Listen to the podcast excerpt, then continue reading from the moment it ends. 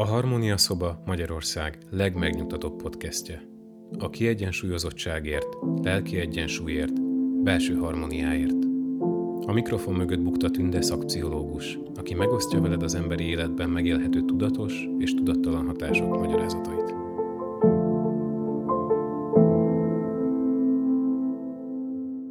Ezt a podcastet azért készítem el, mert úgy érzem, érdemes ránézni erre a valóságos szerelmi történetre, mert nagyon jól bemutatja ennek a szerelmi négyszögnek az érzelmi viharait, sorsfordító pillanatait és mérhetetlen mélységeit. És mivel valós emberek valós érzelmei köszönnek vissza a levelekben és a visszaemlékezésekben, megpróbálom bemutatni a legbelsőbb búgyrait is. 30 évvel ezelőtt, mikor még a Nyíregyházi főiskolára jártam magyar szakra, még nem volt internet, és mérhetetlenül sok időt töltöttünk a könyvtárba. És az egyik nap a barátnőm talált egy verses kötetet, amelynek az volt a címe, hogy 26 év. Akkor ott hetekig beszélgettünk Szabó Lőrincről és a kialakult érzelmi kapcsolatairól, és akkor még nem sejtettem, hogy ez lesz a munkám, hogy ezekből az érzelmi útvesztőkből próbálom majd kivezetni az embereket. Itt és most ebben a podcastben sem erkölcsi nézőpontból szeretném elemezni ezt a dolgot, mert kicsit szomorúan látom, hogy a mások feletti pálcatörésben nagyok vagyunk, hanem mint valós, megélhető élményt bemutatni, hogy hogyan is sétálunk bele, és szenvedünk a férfi önzésétől. Azt hiszem már átjött a podcasteken keresztül, hogy én nagyon szeretem a férfi megtartó erejét, na és nagyon fontosnak is tartom a férfi megszerző funkcióját, mert óv, véd és behatárol is vele. De itt ebben a történetben esetben nem ez történik. És azért készítem el a podcastet, hogy bemutassam azt az élethelyzetekbe való beleragadást, ami talán még ma is tetten érhető az életünkbe. Engem nagyon mélyen elgondolkoztatott a történet női szereplőinek a naivitása, ki és mikor fogadott el egy olyan helyzetet, ami valójában elfogadhatatlan volt számára. De annyira szépen tetten érhetőek a szerelmi háromszög dinamikai folyamatai, hogy úgy éreztem, hogy amit eddig itt külön-külön meséltem el, itt most egy történetben szeretném bemutatni. Magamnak is feltettem a kérdést, hogy tanultunk-e valamit ebben az elmúlt száz évben a kapcsolatról, fejlődtünk-e abban, hogy kiben és miért bízunk meg. És az is kérdés bennem továbbra is, hogy hogyan lehet jó segíteni azoknak, akik évekig egy létállapotban vergődve élik az életüket. Szeretnének változtatni, de valamiért nem sikerül. Szabó Lőrinc költészetének mindig is alaptézise volt, hogy a szerelmi szenvedés sokkal inkább az erotikus vágyjellel kapcsolatban, mint sem az őszinte mély érzelmekkel. Értelmezésében a nő és a férfi kötelékben az érzékek, a közösülés dominált, gondolatait is állandóan a hódítás és a birtoklás uralta, és meglehetősen rosszul érintette, hogy a szerelmre alkotott nézetei már akkor is a társadalom negatív ítéletét váltották ki. A podcast a neten megtalálható szakmai cikkek és blogok gondolat gondolatmenete alapján készült. Marcinka Csaba, Kapdebó Lóránt, Korzáti Erzsébet, Fejesséka, Krajnik Szinti a kutatásai alapján állítottam össze az élettörténeti állomásokat. Először a történetet szeretném bemutatni, majd a véhe igen néhány szakmai aspektust is bemutatnék. Akkor kezdeném az élettörténetet. Szabó Lőrinc mert kamaszkorában is bordélyházakat látogatott, majd 19 éves korában vele szeretett Tanner Ilonába, jó barátja Babics Mihály révén. Tanner Ilona egyszer váratlanul felcsengetett Babicshoz, annak reményében, hogy így sikerül a nyugatba publikáló költők közé emelkednie. Babics nem akarta nővel találkozni, mivel nem volt megborotválkozva. Ezért lakótársát, Szabó Lőrincet kérte meg, hogy fogadja Ilonát. A költő beleszeretett a nála öt évvel idősebb nőbe, majd két hónappal később el is egyezte. Egy este azonban Babics, aki addigra sok időt töltött a párral, megvállott a barátjának, hogy neki is megtetszett a menyasszony. Szabó Lőrinc ezt annyival intézte el, hogy másnap felhívta Ilonát, és közölte vele, hogy megbeszéltek szerint Babics Mihály szeretné inkább feleségül venni. A nő először tréfának vélte a hívást, majd Babics átvette a kagylót, és ő is megerősítette ezt az elképzelést. A két költő legnagyobb megdöbbenésére azonban Ilona ezután belement az ajánlatba. A sors különös iróniája, hogy a költő Tanner Ilona és Babics Mely esküvényén találkozott Mikes Klárával, akit még abban az évben feleségül is vett. Házasságuk közel három évig telt meghittségben. Klára tudta, hogy kihez megy fel hozzá, hallott a költő nőügyeiről, azzal viszont eleinte nem számolt, hogy kicsapongásai a házas éveiben is folytatódnak majd. Tudtam róla, hogy számos női kapcsolata van, de mindig azt hittem, hogy ha majd elvesz engem, úgy szeret, hogy ezt majd nem csinálja. Ilyen hülyeségeket hinni, jegyezte meg később. Férje az esküvő után sem mondott le a megszokott életmódjáról, de egyik viszonya sem tartott sokáig. Azonban 1924 nyarán aztán kirándulni indultak Csillebércre egy nagyobb társasággal. Velük tartott a Vékes házaspár, Vékes Ödön és Vékesné Korzáti Erzsébet, Klára barátnője. Nagyjából egy éve mutatta bőket férjének, azóta jártak össze. Ezúttal is jól érezték magukat együtt, Szabó Lőrinc viszont máshogy nézett Erzsikére, mint az előtt. Bókolt neki, flörtölt vele, majd félrehívta. Első rendezvújukon Erzsébet azt remélte, hogy lebeszélheti barátnője férjét a szándékáról, de a férfi egyáltalán nem törődött a mondani valójában. Abban a percben rémülten láttam elkerülhetetlen vesztemet. Megzavart a viselkedése, hazafelé menet a Dunaparton megcsókolt. Így írt erről Erzsék naplójában.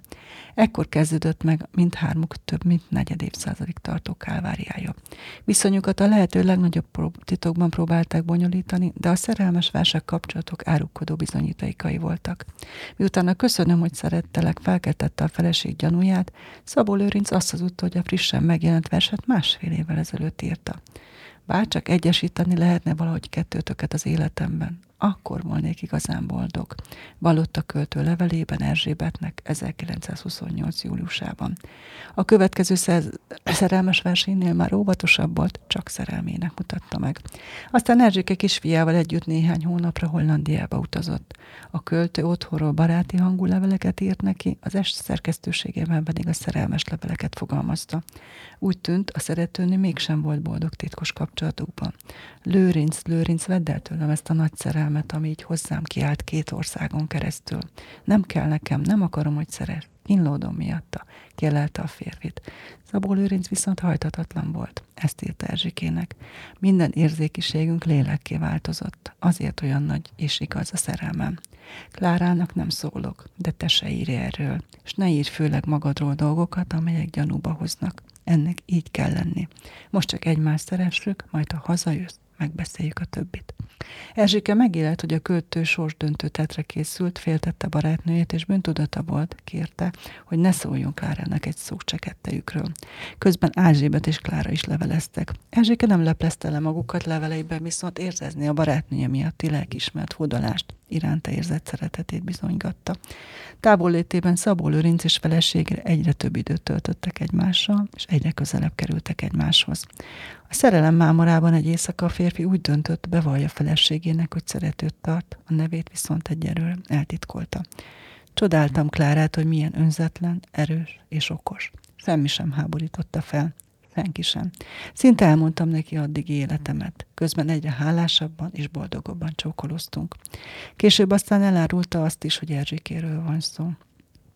Rettentő fájdalmas fellehagyduás és zokogás fogadta a kimondott nevet. Mindent el tudott viselni, csak ezt nem, emlékezett a férfi a vallomás pillanataira. Klára pedig így jött a kitudódott titokról a naplójában. Őt éppen, hogy csak nem én szültem. Minden gondolatát tőlem kapta, minden jó érzése az enyém, minden szép utáni vágya az enyém. A szavaimat mondja, a cselekedeteimet másolja. Itt tudott élni mellettem két és fél éve már úgy, hogy megcsalt. Elvette lőrincet tőlem. Elbírta viselni, hogy fájdalmaimat nézte, amit ő okozott. Szabó Lőrincnek mégis sikerült kicsikarni az ígéretet, hogy ő ezt szeretné, élhetnének együtt, hármasban. A költő azonnal tollat ragadt, és megírta a történteket Erzsikének. Kislányom, te ismertetted meg velem a szerelmet, szeretlek érte, hálás vagyok, de most már megkötlek. Végtelen szerelemhez kötlek, rád parancsolom a tisztaságot, és parancsolom, hogy soha többé gondolatban se védkez magad ellen és ellenem. Mert már nem a szeretőm vagy, nem véletlen és boldog kaland, hanem a költő kedvese, kedvessége, akit nem érhet többé semmi szennyesség. Böském, szeretlek, és szeretem Klárát. Tudtam, éreztem én, hogy hamarosan rendeződni fog a dolgunk. Azzal viszont nem számolt, hogy mire a levél Hollandiába ér, Klára meggondolhatja magát. Öngyilkossággal fenyegetőzött, és azt mondta, hogy inkább meghal, mint sem elviselje a szégyent, férjével pedig megígértette, hogy szakít szeretőjével. Szabó Lőrinc ötletétől Erzsében sem volt elragadtatva, feldúlt levélben válaszolt a férfinek, és közben elérkezett hozzá a szakító levél is. Kedvesem, rettenetesen nehéz most írnom. Úgy érzem, minden szavam óriási árulás egyszer veled, egyszer Klárával szemben. Miért nem állok valamelyik kötök mellé tekintet nélkül arról, hogy mi a következménye? Közben a költő és felesége megegyeztek, hogy ezentúl minden Hollandiába küldött és onnan érkező levelet megmutatnak egymásnak. Hamarosan Klára is írta nála hét éve fiatalabb barátnőjének. Ért maga engem, Bözsi? Magának meg kell fogadnia nekem, hogy nélkülem nem csak ebben az ügyben, hanem az életben roha, semmiféle dolgában nem csinál semmit addig, amíg velem meg nem beszélte. Akarja. Tudja Bözsi, hogy én is kemény vagyok ugyanakkor, mikor tudok úgy szeretni, ahogy nem hiszem, hogy még sokan. Meg akarom oldani ezt az ügyet jól, még egyszer az életben akarok hinni két embernek, magának és Lőrincnek. Erzsébet nem akart elveszíteni bizalmas barátnőjét Klárát, haragudott magára és Szabó Lőrincre, ami a titkuk felfedésével fájdalmat okozott a feleségének. A két nő viszont egyetértett abban, hogy a negyedik félt ödönt Erzséke férjét, a képen a családját próbálta megmenteni Budapesten az anyagi lecsúsztásról, nem kell beavatni a történtekbe. De Szabó Léninc ígéret ellenére csak folytatta a titkos levelezést Erzsébettel. Hazugság volt, hogy le tudok mondani Erzsike részéről is. Már túlon túl össze voltunk kötve sorszerűen, emlékezett vissza később, de úgy tűnt, hogy Erzsike sokkal inkább a barátnőjét szeretné visszakapni, mint őt. Végül megírta a levelet, amivel úgy gondolta pontot tesz az ügyük végére. Én, Szabó Lőrinc, a gyalázatos és bűnös, az erotikus és beteg és őrült és erkölcstelen disznó, én, a költő, olyan magasan vagyok a világ felett, olyan tisztán és olyan végtelenül egyedül, és olyan fájdalmasan és büszkén. Istenem bőske, megért maga engem? Mintha zene volnál, semmi földi nincs bennem, bármit tettem is, fent járok, magasan, nincs helyem, nincs nyugalmam. Maga az enyém volt, és ezzel meghalt. Érti? Nincs joga többé semmire, senkire, amivel nekem fájdalmat okoz. Ezzel zárja le a lelkét örökre, ezzel az örök pecséttel, és legyen boldog, igen, legyen boldog, hogy annyit kapjon egyszer én tőlem, mint Klárán kívül, Klára mellett senki a világon. Szenvedjen így boldogan, ha kell, holt napjáig.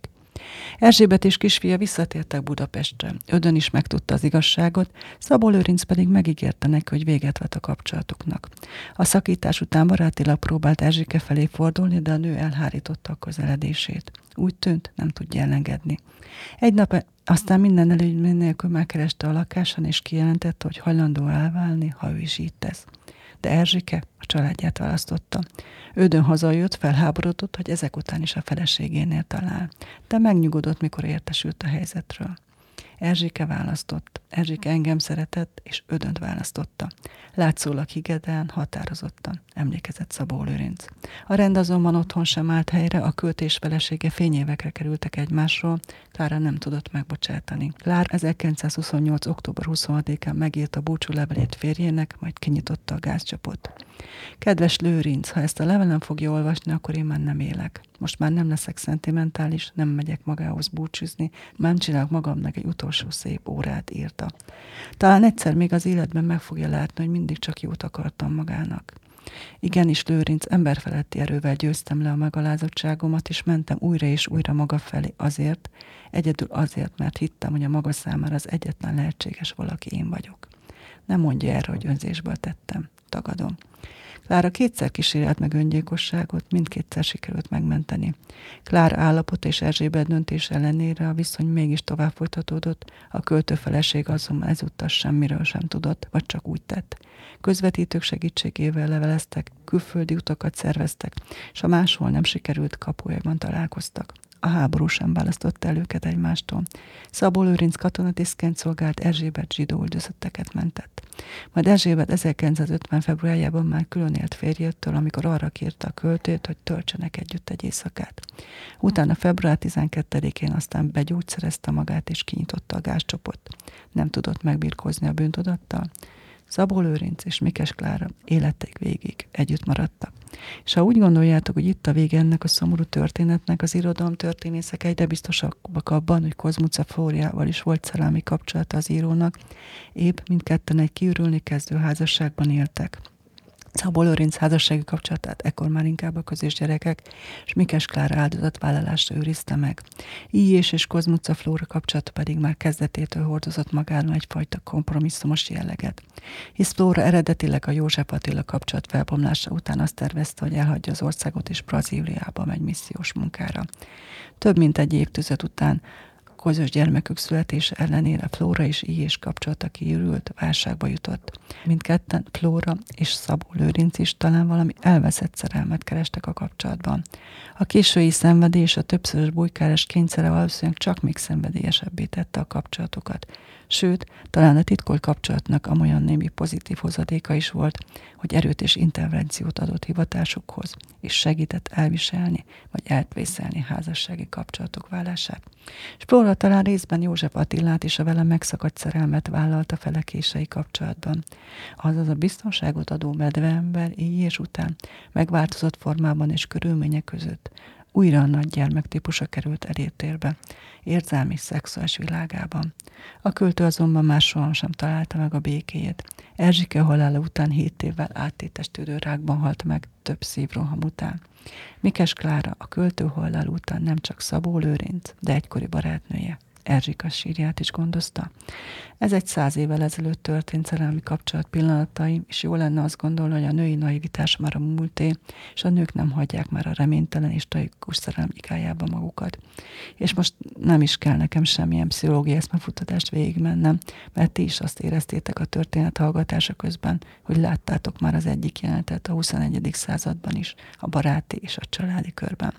Ezért maradnék az irodalommal foglalkozó szakemberek gondolatainál. Az ifjú Szabó Lőrincre a naivság volt azt hinni, hogy hűséges, mint a férjé válik, hiszen már tizenévesen lelkesen látogatta a bordélyházakat. Aggasztó információnak bizonyulhatott volna az is, hogy ahogyan első mennyasszonyán Tanner Ilonán túladott, nemes gesztussal felajánlotta mesterének és lakótársának Babics Mirálynak. Hogy mire számított 1921-ben Mikes Klár, amikor megjelent a költővel az oltár előtt? Talán, hogy az őszinte és tiszta szerelme megváltoztatja a férfit. Pár évig valóban úgy érezhette, hogy gondtalan közös élet előttük, ám hamarosan eljött a nap, amely megpecsételte a jövőjüket. A férfi érdeklődése Erzsébet felé fordult. Mindhárman próbáltak felejteni, egyikőknek sem sikerült. Klára öngyilkossági kísérletekkel próbált menekülni az elviselhetetlen helyzetéből, csak hogy a segélykiáltásai a férfiban szánalom helyett inkább dőlt ébresztettek. Olyan annyira, hogy végül átszakadt a gát és rászánta magát a vállásra. Legnagyobb megdöbbenésére azonban hiába jelent meg az örömhírrel kedvesénél. Erzsike megkökkentő döntéssel lepte meg, a férjével marad. Persze ezután a költő is meggondolt gondolta magát a válást illetően. Azt hihetnénk, ezután a két pár végre egymástól függetlenül folytatja az életét, csak hogy a szerelmesek hamarosan kibékültek egymástól. A következő években megint titkorozással, utazásokkal, szenvedéllyel és gyűlölködéssel teltek. Úgy látszik Szabó Lőrinc kapcsolataiban a hármas felállások vagy a három plusz egyes szisztémák rendszeresen visszatértek és tartós struktúrával váltak akkor is, a bennünk résztvevő személyek gyakran változtak. Az is igaz persze, hogy ő gyakran ránőtt a triókban vagy kvartetekben a többiekre. Még az épp legjobban szeretett kapcsolatnai partnere is. Szabó Lőrince különös triumvirátusokban próbálta a vezető helyet, legalábbis a viszonylagos vezető pozíciót magának biztosítani. A Flórával való titkos viszony etéren is fordulatot hozott. Itt Szabó Lőrinc kezdettől fogva talán Flóra érettebb kora tapasztaltsága, műveltsége és társadalmi pozíció okán is egyáltalán nem volt fölényben, sőt úgy tűnik a kapcsolat többi szakaszában, és inkább Kozmuca Flóra dominált. A kapcsolat ebből a szempontból is újdonság Szabó Lőrinc életében. A kapcsolatuk szenvedélyesé válásában valószínűleg a bujkálás romantikáján túl ez a pozicionális párba is nagy szerepet játszott. Flóra ugyanis kezdettől szinte mindvégig igyekezett elkerülni az alárendelődést, sőt, gyakran fölén Lőrinc betegségének súlyosbodása után ő került fölényben. Ez az újdonság a költőt először felkavarta, aztán lebilincselte.